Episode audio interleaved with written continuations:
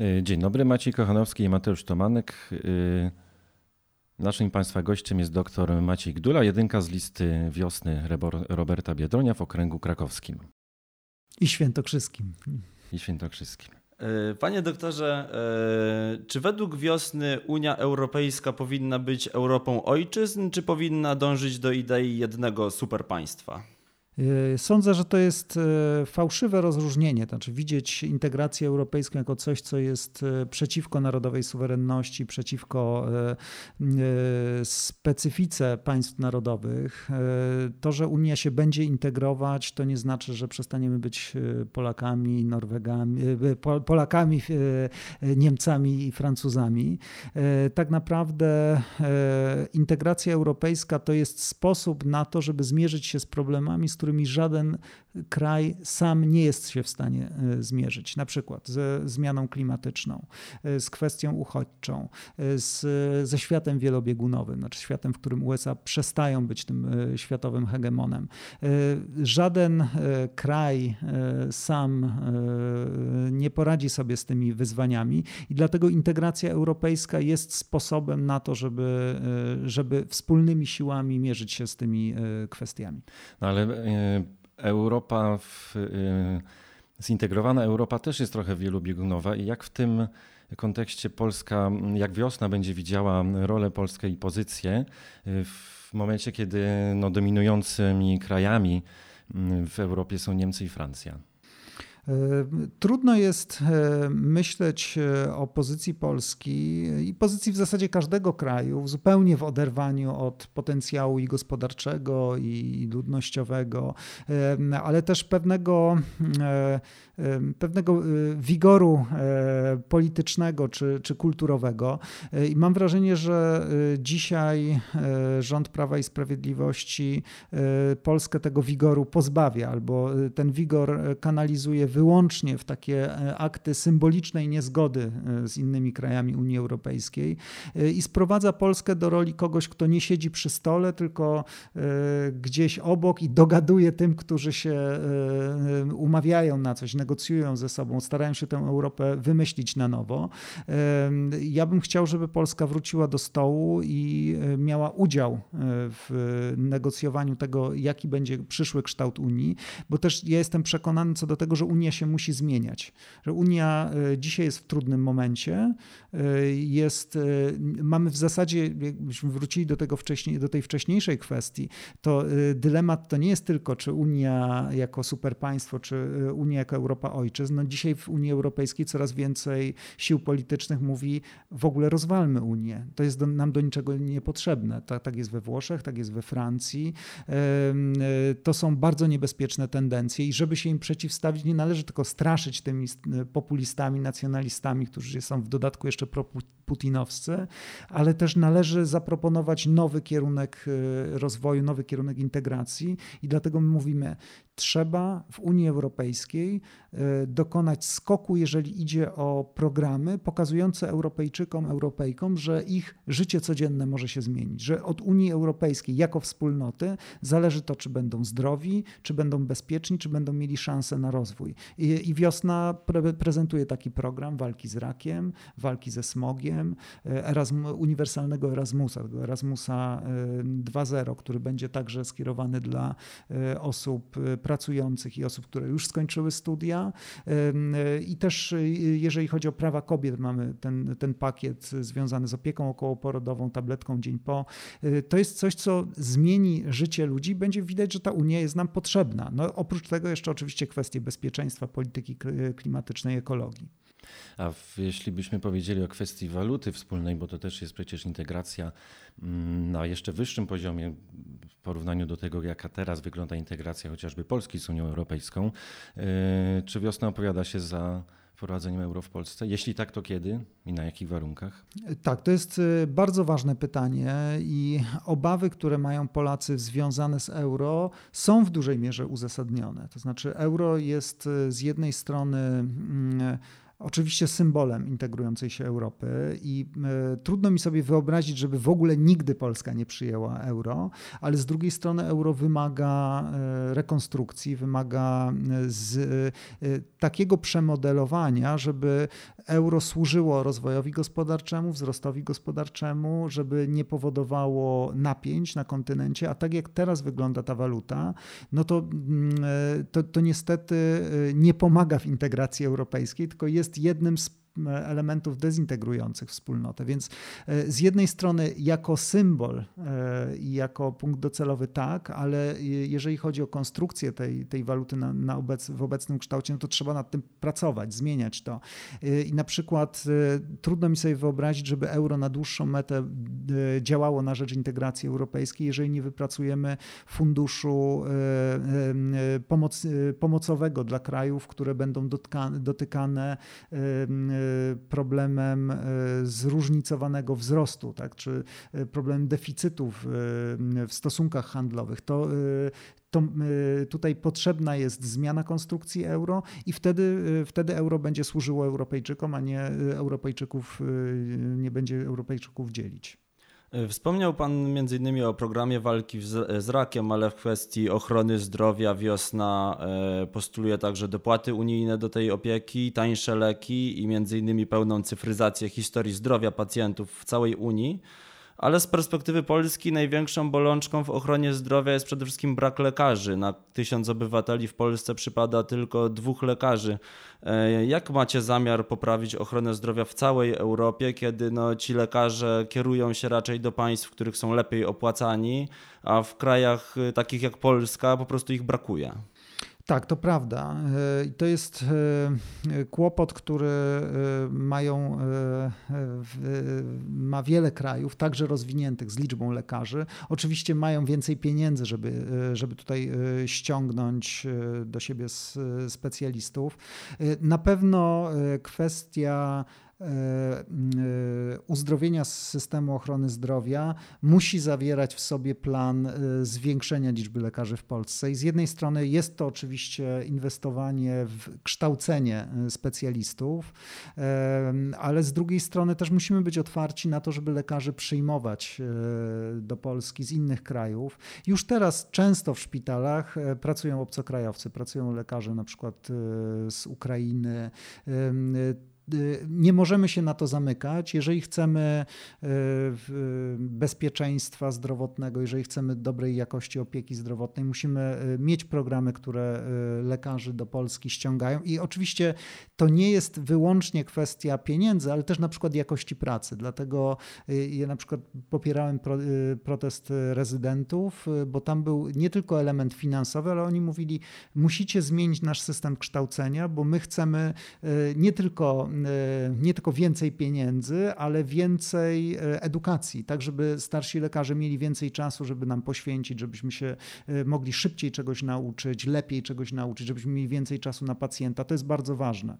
Więc tutaj potrzebne są zmiany nie tylko na poziomie ilości pieniędzy i płac lekarzy, bo te, te nie są już w Polsce takie, takie bardzo niskie. Natomiast potrzeba zmiany sposobu funkcjonowania systemu systemu edukacji lekarzy i poprawy e, warunków pracy, żeby oni chcieli tutaj zostawać, żeby widzieli, że to jest, e, że Polska może być e, dobrym krajem do pracy. No jednak płace muszą być jednak jakimś sposobem te płace nie są aż tak atrakcyjne, skoro jednak lekarze uciekają od nas, do Wielkiej e, Brytanii na przykład. Tak, ale, y, ale często y, jest y, ważne, dlaczego uciekają. Wyjeżdżają nie tylko przez, przez to, że nisko tutaj zarabiają, jednak lekarz specjalista w Polsce zarabia całkiem dużo. Ja, moja żona jest lekarką, stąd znam pensje lekarzy i wiem, że one nie są niskie. Jakby w porównaniu do innych grup zawodowych ja bym je określił nawet jako wysokie. Tylko, że lekarz lekarze bardzo dużo pracują. Są w stanie dużo zarobić, ale też bardzo dużo pracują. Wyjeżdżając, pracują e, mniej e, za podobne pieniądze, więc e, to jest powód, dla którego wyjeżdżają. Wcześniej wspomniał Pan, że Unia Europejska też daje Europejczykom poczucie bezpieczeństwa i w programie wiosny mm, postulujecie, że szereg zmian w, szereg zmian w europejskich zakupach obronnych i które mają stanowić podstawę do stworzenia europejskiej armii. I czy uważacie, że, perspektywy, że z perspektywy polskiego bezpieczeństwa jest uzasadnione, żeby stworzyć taką europejską armię? E, e, jest tak, że dzisiaj w świecie e, Stany Zjednoczone są coraz mniej przewidywalnym partnerem. Moim zdaniem zamykanie oczu na tę sytuację jest nieodpowiedzialnością. Więc budowanie projektu europejskiej armii krok po kroku jest sposobem na poradzenie sobie z tą niepewnością, co nie znaczy, że projekt europejskiej armii jest przeciwko sojuszowi ze Stanami Zjednoczonymi, przeciwko NATO. Jest rodzajem polisy ubezpieczeniowej, moim zdaniem, na dzisiaj. I taki projekt należy wspierać. Taki projekt też może służyć Polsce, jeżeli chodzi o e, produkcję zbrojeniową, bo to e, mamy tą wizję, że, że jak będzie europejski program tak, zakupów zbrojeniowych, to na pewno wygrają to wyłącznie francuskie firmy, które są dość dobre w produkcji y, y, y, zbrojeniowej, ale możemy zapytać, czy kiedy kupowaliśmy na przykład F-16, czy udało nam się uzyskać dobry offset? No, wiemy, że nie, prawda? więc być może z, w Unii Europejskiej za zakupy zbrojeniowe będziemy mogli uzyskać lepszy offset niż od Amerykanów i należy tutaj być moim zdaniem elastyczny elastycznym. Tak?